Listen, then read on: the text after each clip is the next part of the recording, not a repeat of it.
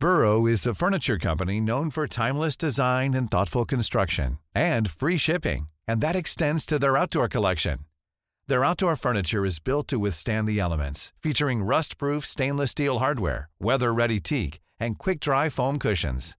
For Memorial Day, get 15% off your Burrow purchase at burrow.com slash ACAST and up to 25% off outdoor. That's up to 25% off outdoor furniture at burrow.com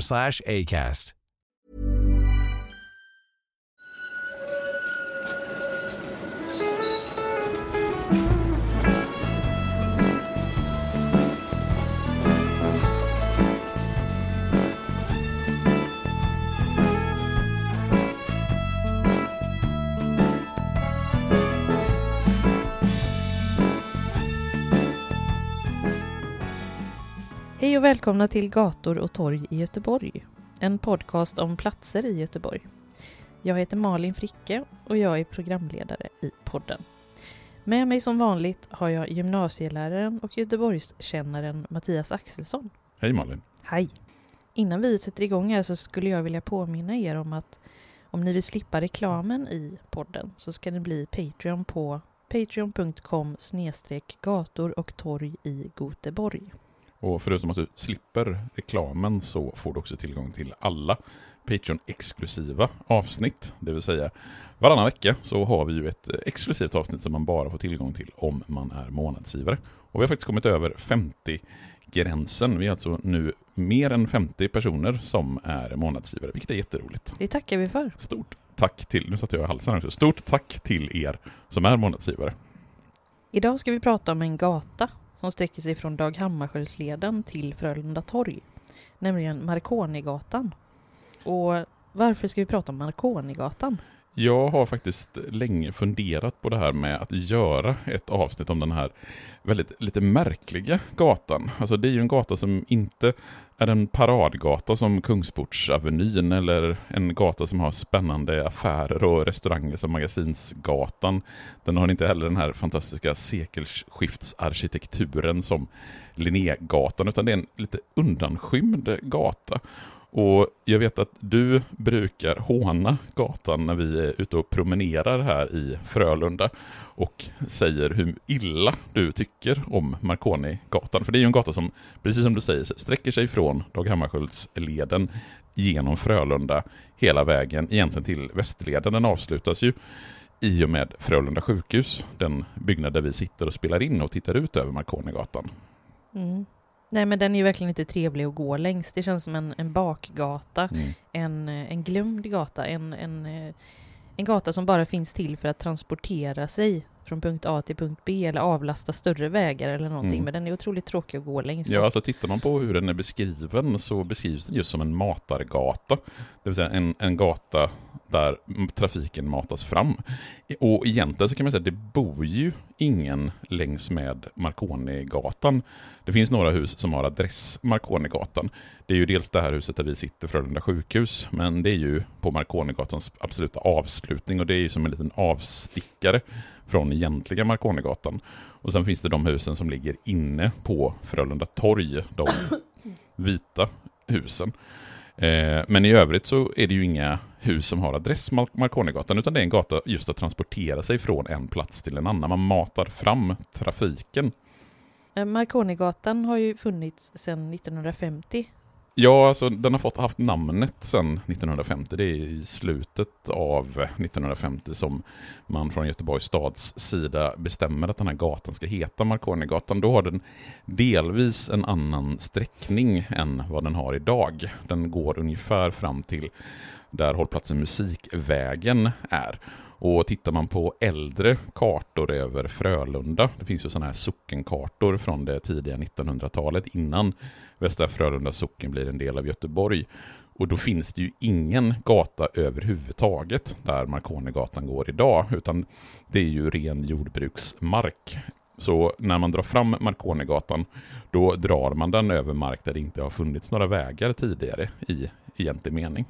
Ja, men jag tänker alla andra gator runt omkring Marconigatan heter ju någonting som har med radio att göra. Mm. Varför heter inte Marconigatan det? Ja, alltså den första delen åtminstone av Marconigatan, den delen som är vid järnbrott och runt Radiotorget, där heter ju gatorna som Bildradiogatan och Rundradiogatan. Och då skulle man kunna tänka sig att Marconi har någonting med radio att göra. Och det har det ju, även om Marconi då är namnet på en person. Det är en italiensk fysiker, så uppfinnare, som levde vid förra sekelskiftet. Och han lyckades i början av 1900-talet eh, fånga upp trådlösa signaler från Cornwall i en mottagare på Newfoundland. Så han var en pionjär inom det här med trådlös överföring, det som lägger grunden för radion. Och han får faktiskt Nobelpriset i fysik 1909, Giuseppe Marconi. Så även Marconi är ju ett namn som kommer av kopplingen till radio. Men eh, var börjar gatan då? Ja, den börjar ju vid Marconi-motet. Och ordet mot, det är ju ett eh, ord för en trafikplats där olika gator knyts samman. Och det är ett ord som egentligen bara används här i västra Sverige, i Göteborg och sen på några platser uppe i Uddevalla. Och sen ska det tydligen finnas eh, mot även i Västerås. Men i övrigt så är mot, alltså som i Marconi-motet, inte ett ord som är allmänt förekommande i övriga Sverige. Men Marconi-motet, det är ju en avfart från Dag Hammarskjöldsleden. Och Dag Hammarskjöldsleden i sin tur sträcker sig från Linnéplatsen hela vägen ner till Söderleden. Och det är en gata som har fått sitt namn efter den svenska generalsekreteraren från FN, Dag Hammarskjöld. Först hette den Dag Hammarskjölds väg och sen så i och med att man bygger ut den som en motorväg så får den namnet Dag Hammarskjöldsleden. Och den här delen av Frölunda, alltså längs med särbanan, där har det gått vägar långt tillbaka i tiden. Så Dag Hammarskjöldsleden är egentligen inte en ny gata, även om själva namnet och att man gör det till en motorväg givetvis är ett 1900-talsfenomen. Och motorvägen bygger man ju efter att Marconigatan har dragits fram. Man bestämmer att bygga motorväg 1966 och sen så börjar man bygga motorvägen i slutet av 1960-talet. Och då kommer man ju fram till den slutsatsen att Marconi-motet får ju sitt namn av Marconi-gatan och inte tvärtom. Så Marconi-gatan har gett namn till Marconi-motet, det vill säga där Marconi-gatan börjar. Sen själva Dag Hammarskjöldsleden, det är faktiskt inte längre en motorväg, även om den på vissa kartor markeras som en motorväg. Åker man med bil eller buss längs med Dag Hammarskjöldsleden så ser man att det inte finns några skyltar för motorväg kvar eftersom det idag är en kommunal stadsväg. Och från Göteborgs stads sida åtminstone så vill man undvika att ha så kallade stadsmotorvägar. When you're ready to pop the question, the last thing you want to do is second guess the ring. At BlueNile.com you can design a one-of-a-kind ring with the ease and convenience of shopping online. Choose your diamond and setting. When you find the one, you'll get it delivered right to your door. Go to Bluenile.com and use promo code LISTEN to get $50 off your purchase of $500 or more. That's code LISTEN at Bluenile.com for $50 off your purchase. Bluenile.com code LISTEN. Millions of people have lost weight with personalized plans from Noom, like Evan, who can't stand salads and still lost 50 pounds. Salads, generally, for most people, are the easy button, right? For me, that wasn't an option. I never really was a salad guy. That's just not who I am. But Noom worked for me. Get your personalized plan today at Noom.com. Real Noom user compensated to provide their story. In four weeks, the typical Noom user can expect to lose one to two pounds per week. Individual results may vary. Så Marconigatan fanns redan på plats när eh, Marconimotet byggdes? Ja, i och med att Marconigatan i någon mening invigs redan 1950. Och då kan man ju säga att Marconigatan dras fram över gammal jordbruksmark. Och anledningen till att man bygger Marconigatan från början, det är ju för att man börjar bygga nya bostadsområden i de områden där det tidigare har varit jordbruksmark. Och det första området i gamla Västra Frölunda som man bebygger, det är ju då järnbrott. det byggs faktiskt redan i början av 1950-talet, bara några år efter att Västra Frölunda har blivit en del av Göteborgs stad. Och då bygger man nästan 3000 lägenheter i olika typer av hus. Det finns lamellhus, det finns punkthus, det finns radhus, det finns villor. Och alla gatorna i Järnbrott får ju då namn efter radio och television på olika sätt. Vi har ju givetvis Radiotorget som byggs 1953 och invigs 1954. Men vi har också Relägatan och Televisionsgatan och Rundradiogatan. Och just Radiotorget, det är första gången i Sverige och ett av de första tillfällena i Europa som man bygger en så stor handelsplats utanför själva stadskärnan. Det vill säga första gången som man bygger ett rent stadsdelstorg med så många olika typer av affärer som det är på Radiotorget när man inviger det i början av 1950-talet. Och själva ordet järnbrott, det tror ju en del har att göra med att det har funnits järnbrytning. Men första gången som vi har belägg för föregångare till järnbrott, det är från 1400-talet. Och det troliga är snarare att det betyder röjd mark, för man har inte hittat några belägg för att det ska ha funnits någon typ av järnbrytning i järnbrott. Men idag så är ju järnbrott med Radiotorget i centrum verkligen ett utmärkt exempel på den här tidiga 1950-talsbebyggelsen som vi har på olika platser runt om i Göteborg och Sverige. Radiotorget känns ju då som en, en föregångare till de här torgen som vi är uppväxta vid. Ja, vi har ju till exempel pratat om Vårväderstorget som bara byggs några år efter Radiotorget. Och även Axel Dahlsums torg är ju ungefär, det kommer ju senare än Radiotorget givetvis. Eftersom Radiotorget är först så måste ju alla torg i någon mening komma därefter. Men vi har ju runt om i Göteborg en lång rad stadsdelstorg med mer eller mindre utbyggd service. Mm. Alltså förr kändes det mer som att det fanns eh, lite viktiga eh, ställen på torget där man gjorde sina ärenden, det fanns bank och post och så vidare. Men nu så är det ju lite omodernt, om man mm. säger. Ja, de är inte stadsdels. I och med att vi har bil och mycket, mycket bättre kommunikationer idag så är det betydligt lättare för någon som mm. bor i Järnbrott att ta sig till Frölunda torg där du har ett betydligt större utbud av service än vad du har vid Radiotorget, även om det finns en hel del butiker kvar vid Radiotorget. Ja, jag tror att de flesta som bor nära ett sånt torg, ett sånt klassiskt, är inte beroende av just det torget. Nej, Men det finns faktiskt eh, en del butiker kvar på Radiotorget. Jag kan ju rekommendera fiskaffären där vi brukar handla sill lite då och då. Den eh, är verkligen värd att lyfta. Jättemånga goda sillar bland annat har de. Eh, men åter till avsnittet här då. Men om vi tänker att man åker från Marconi-motet in på Marconigatan och så har vi järnbrott på vänster sida. Vad ser vi då på högra sidan om Marconigatan? Där ser vi ett område som är ganska precis tio år yngre än själva järnbrott. För där har vi ett område som vi kallar för Flatås. Och det området som ligger närmast Marconigatan, det bebyggs i början på 60-talet. Och det är ungefär 2000 lägenheter som ligger i 3-4 vånings lamellhus. Och de här husen de bygger man på gamla LV6 marker och LV6 är ett gammalt regemente. Och det kan man ju faktiskt fortfarande se spår av i Högsbo sjukhus så länge som det nu får stå kvar. Men eh, där Flatås ligger, där har man ju då byggt lamellhus i början på 60-talet. Men eh, det som kanske är mest intressant för Makonigatans del, det är ju att om man åker längs med själva gatan och tittar till höger, så det första man ser där det är ju parkeringsplatser. Och just de parkeringsplatserna, där finns det ju ganska långt gångna planer på att bygga hus under de kommande åren.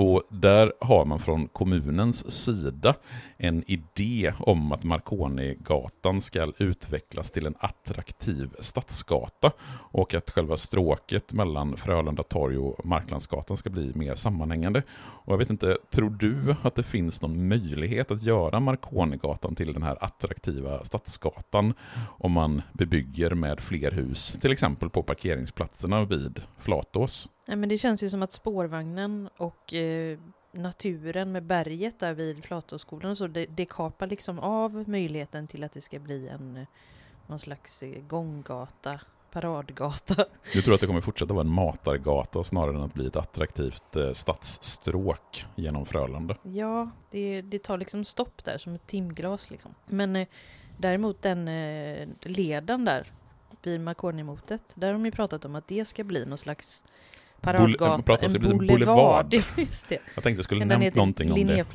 Mm. Mm. Jag tänkte jag skulle näm nämna någonting om det när vi pratar om Dag Hammarskjöldsleden. Vi kanske får göra ett specialavsnitt om Dag Hammarskjöldsleden vid tillfälle.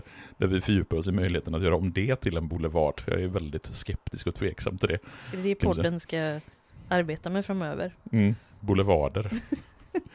ja, nej men alltså just i Flatå så finns det åtminstone långt gångna planer på att göra om Marconigatan. Och om man fortsätter sen längs med Marconigatan så kommer vi ju till det som de flesta nog egentligen räknar som Frölunda, även om Flatås och Järnbrott också i någon mening tillhör Frölunda.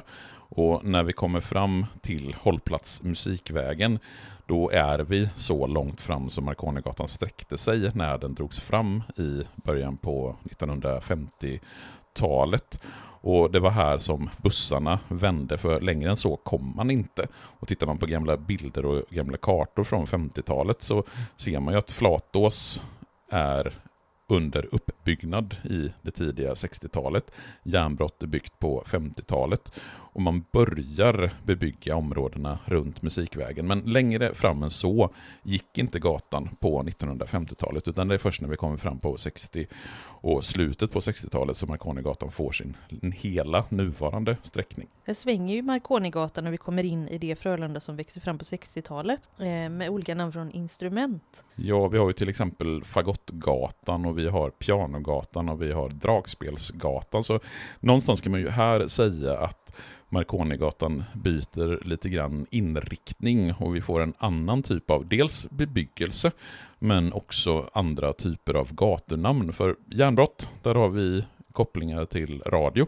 Men när vi nu kommer in i den sydligaste delen av Marconigatan, då får vi andra typer av namn.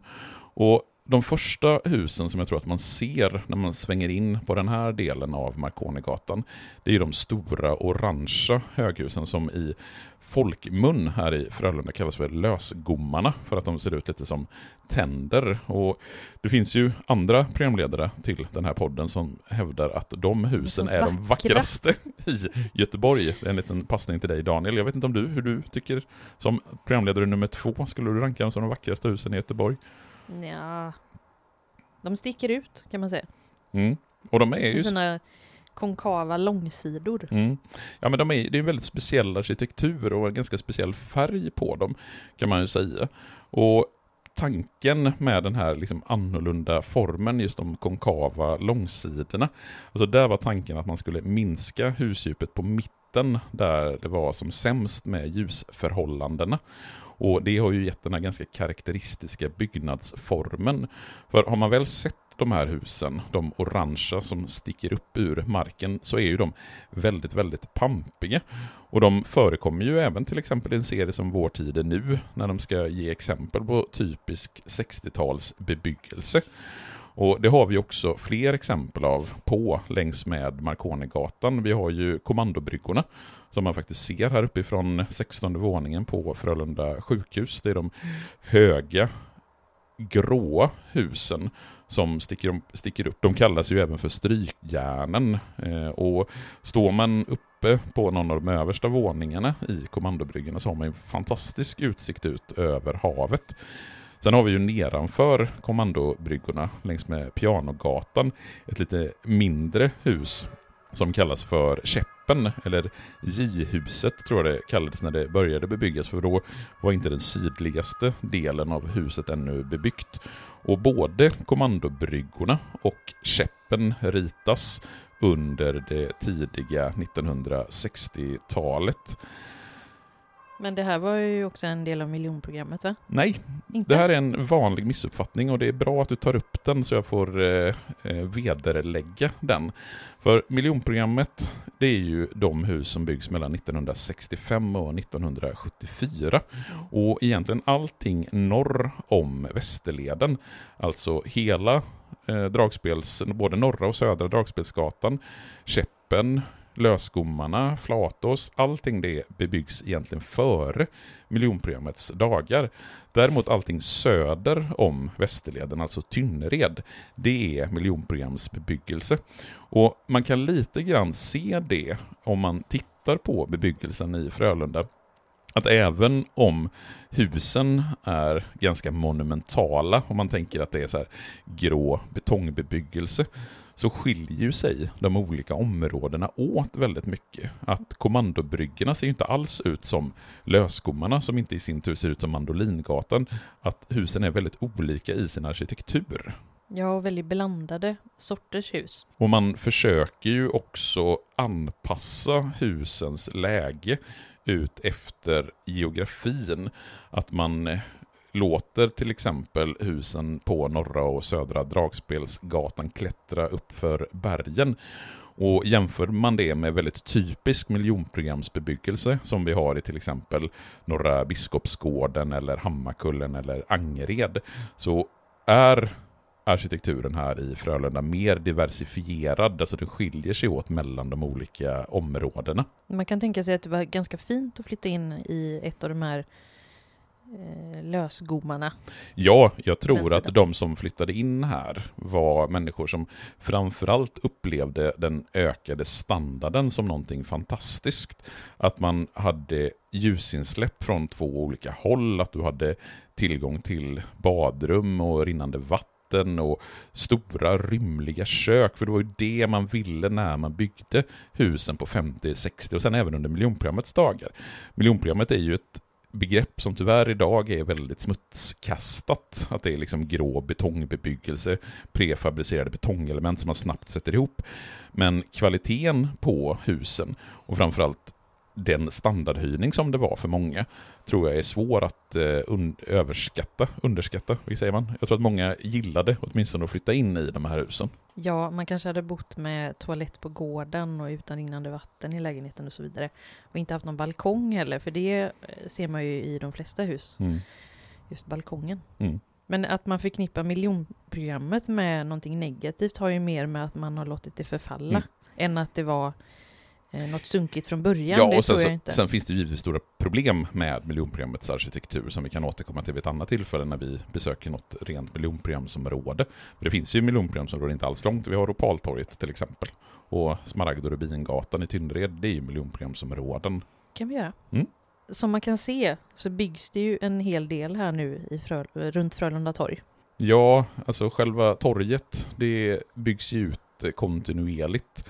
Eh, vi har ju gjort ett avsnitt om Frölunda torg, så vill man fördjupa sig i det så kan man packa tillbaka i vår katalog. För det köpcentrum, det invigs ju 1966 av dåvarande kommunikationsminister Olof Palme. Och sen så har ju själva torget byggts ut i flera olika etapper. Då var det norra Europas största köpcentrum. Man hade två varuhus, det fanns en bowlinghall, det fanns social sjukvård, det fanns restauranger och bostäder. Och det som är slående när man tittar runt, precis som du är inne på, det är ju att det är oerhört mycket nybyggnation runt omkring Frölunda torg. Vi har ju ett bostadsområde som har stått nu i några år som heter Lilla Marconigatan. Och det är ju de husen som ligger uppe på Frölunda torgs parkering. Och det är ganska intressant hur man nyttjar marken där. Det vill säga istället för att ha massa parkeringsplatser som tar upp yta så bygger man hus uppe på parkeringshuset. Så att vi får bostäder ovanför parkeringshusen. Och sen har vi ett helt nytt bostadsområde som växer fram längs med spårvagnsspåret, alltså längs med Mandolingatan. Med en bebyggelse som är också på samma sätt som den tidiga bebyggelsen i Frölunda diversifierad. Det vill säga husen skiljer sig väldigt mycket åt i utseende. Och det ska bli väldigt intressant att se hur det här påverkar övriga Frölunda. Att man får så här mycket nybyggnation. Det är ju tusentals nya människor som, som ska flytta in här i Frölunda under de kommande åren. Men i slutet på Marconigatan så hamnar vi ju på eh, antingen på baksidan av Frölunda torg eller i Frölunda sjukhus. Mm. Som en gång i tiden kallades för Skräckens hus. Ja, det är så fantastiskt. Jag hittade ju när jag tittade i tidningsdatabasen en artikel från, jag tror att det är Expressen, eller om det möjligtvis är Aftonbladet. En sån här stor svart rubrik som kallades så Skräckens hus och sen så ett, ett svartvitt foto över Frölunda sjukhus. Och har man inte sett Frölunda sjukhus så är det nästan svårt att beskriva vad det är för typ av byggnad. För när vi pratar om övrig bebyggelse i Frölunda så är ju den, även om den kan vara grå och ganska liksom maffig i de här kommandobryggorna, så är det ju ändå ja, lite olika former och eh, det är balkonger som sticker ut och det är lite olika färger även på husen. Om du tittar på eh, lösgommarna som är orangea, pianogatan som är brunt. Men om du skulle beskriva Frölunda sjukhus för någon som aldrig har sett det, hur skulle du beskriva Frölunda sjukhus? Jag tycker det ser ganska rått ut. Mm. Det är rått och kallt, vitt med mycket ja, betong. Mm. Och eh, de första sju våningarna är ju Frölunda sjukhus, Mm. specialistsjukhus då. Så där kan man inte gå av om man åker hissen upp till bostäderna som börjar på våning 8 till våning 17. Ja, det är inte säkert att alla vet det, att eh, från våning 8 uppåt så är det ju faktiskt bostäder. Och man kan ju då alltså, precis som du och jag, bo i en lägenhet här uppe på 16 våningen och titta ut över Frölunda. Och tittar man på huset utifrån så är det svårt att tänka sig att någon skulle vilja bo i det här hus, huset. Och när det byggdes så byggdes ju som ett sjukhus. Men de översta våningarna har ju alltid varit bostäder. Men när huset invigs i slutet av 1960-talet, jag tror att det invigs sommaren 1968, några år efter Frölunda torgs invigning. Man skulle ha invigt det redan vid nyår, men de kraftiga höststormarna 1967, som många äldre göteborgare säkert minns, så försenades bygget för kranarna som användes kunde inte jobba på så höga höjder. Men när Frölunda sjukhus invigs så är det Göteborgs högsta byggnad. Och själva sjukhuset, när det invigs så finns det en rad olika mottagningar. Man har mentalvård och hudvård men man har också gynekologimottagningar. Och precis som vi redan har nämnt så är de första sex våningarna reserverade för sjukhuset, men resten av våningarna från sju och uppåt, där har man då lägenheter. Men när huset invigs så ser det inte ut riktigt som det gör idag. Men vi kunde ju läsa i den här gamla artikeln som du hittade att det fanns, eh, nu blir vi lite specifika, men det fanns tio stycken sexrumslägenheter för läkare och 170 enrummare för sjuksköterskor och vårdbiträden. Ja, man kan ju väldigt tydligt se klasskillnaderna här. Att läkarna, de skulle ha de stora, pampiga våningarna. Och sen fanns alltså jättemånga smålägenheter i det här huset. Och det här var ju en planering som säkert lät bra i teorin för de arkitekter. inte. De tyckte ju det, Jag annars hade de aldrig byggt huset. arbetarna. Hade du Mm. velat bo på jobbet? Nej, och det ville ju inte sjuksköterskorna eller läkarna göra. Så det var egentligen vare sig läkare eller sjuksköterskor, sjuksköterskor som visade något större intresse för att hyra de här lägenheterna. Så det står en massa tomma lägenheter och vilka är det då som får flytta in i de tomma lägenheterna? Ja, de som inte har någon annanstans att bo. Ja, och de som till exempel socialtjänsten i Göteborg behöver hitta placering för. Så socialbyrå 5 ihop med Göteborgshem, de placerar helt enkelt sina klienter här i huset under 70 och 80-talet. Och i en av de artiklarna som jag hittade när jag läste på om sjukhuset så skriver en boende, eller berättar en boende, att risken för hemfridsbrott och överfall är uppenbar. I hissarna kan man ständigt räkna med sällskap av hotfulla personer. Entrén används närmast regelbundet som toalett av vissa personer. Och det hemska är ju att det här huset kallades ju i folkmun för trampolinen. Och anledningen till det, det var att det var så oerhört många människor som hoppade från huset och helt enkelt avslutade sina liv genom självmord. Och sen så på 1970-talet så har man planer faktiskt på att göra ett hotell med restaurang i huset. Men de planerna de bordlades. Och det finns väldigt kluvna och delade uppfattningar om det här huset. Det finns ju många som tycker att det är ett oerhört fult hus. Samtidigt så menar bedömare att det är ett välbevarat exempel på rekordårens ideal och att det genom sin höjd och monumentalitet fyller en viktig roll i stadsbilden. Och här citerar jag från någon av de utredningarna som Göteborgs stad har gjort när man har tittat på olika bevarandeprojekt och varför man ska bevara vissa typer av hus. Och i någon mening så kan man ju faktiskt säga att eh, den resa som vi har gjort längs med Marconigatan hela vägen från 50-talsbebyggelsen i järnbrott via Flatås som byggs på 60-talet husen på Musikvägen och Fagottgatan som byggs på tidigt 60-tal, hela vägen fram till Frölunda torg och Frölunda sjukhus som då byggs i slutet på 60-talet. Så har vi tagit oss igenom de svenska rekordåren då den svenska ekonomin går som smort. Det är ekonomisk tillväxt varje år, nästan ingen arbetslöshet, en hög befolkningstillväxt och det finns en väldigt hög framtidstro och optimism, vilket gör att man bygger alla de här bostadsområden på mark som tidigare var ren jordbruksmark. Man bygger högt, högt upp i skyn. Ja, och jag tycker tycker ju faktiskt att många av de hus och de områden som vi har gått förbi när vi har gått längs Marconigatan är ganska maffiga och en del av dem är till och med ganska fina. Jag kan till exempel hålla med Daniel i viss utsträckning att husen på Fagottgatan, alltså lösgommarna, framförallt när solen går ner och man får solen lysa mellan husen så är det ett ganska vackert område.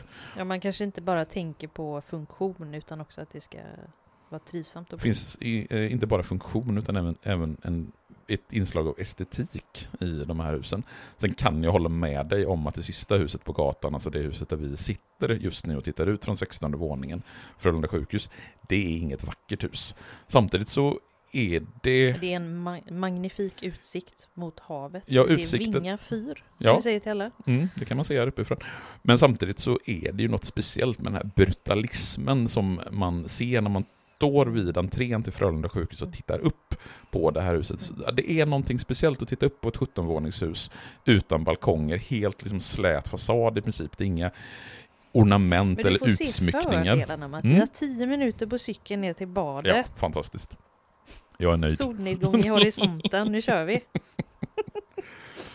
Därmed så är ju Marconigatan slut. Ja, vi har kommit hela vägen ner till Lergöksgatan tror jag den gatan heter som ansluter till Marconigatan här nere. Och vi är färdiga med Marconigatan. Ja. Vi vill också passa på att tacka alla Patreons. Så hörs vi igen om en vecka från en helt annan plats i Göteborg. Det gör vi. Hej då! Hej då!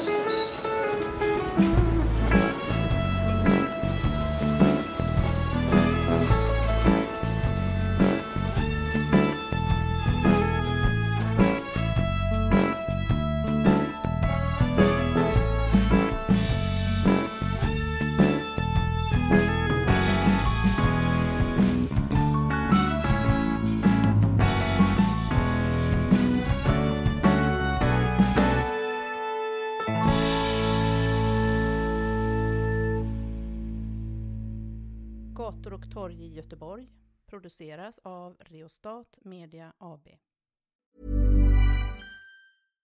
When you make decisions for your company, you look for the no brainers. And if you have a lot of mailing to do, stamps.com is the ultimate no brainer. It streamlines your processes to make your business more efficient, which makes you less busy. Mail checks, invoices, legal documents, and everything you need to keep your business running with stamps.com. Seamlessly connect with every major marketplace and shopping cart. Schedule package pickups and see your cheapest and fastest shipping options from different carriers with rates up to 89% off USPS and UPS rates. And with the stamps.com mobile app, you can take care of mailing and shipping wherever you are. Make the same no-brainer decision as over 1 million other businesses with stamps.com. Sign up with code program for a 4-week trial plus free postage and a free digital scale. No long-term commitments or contracts. That's stamps.com. Code program.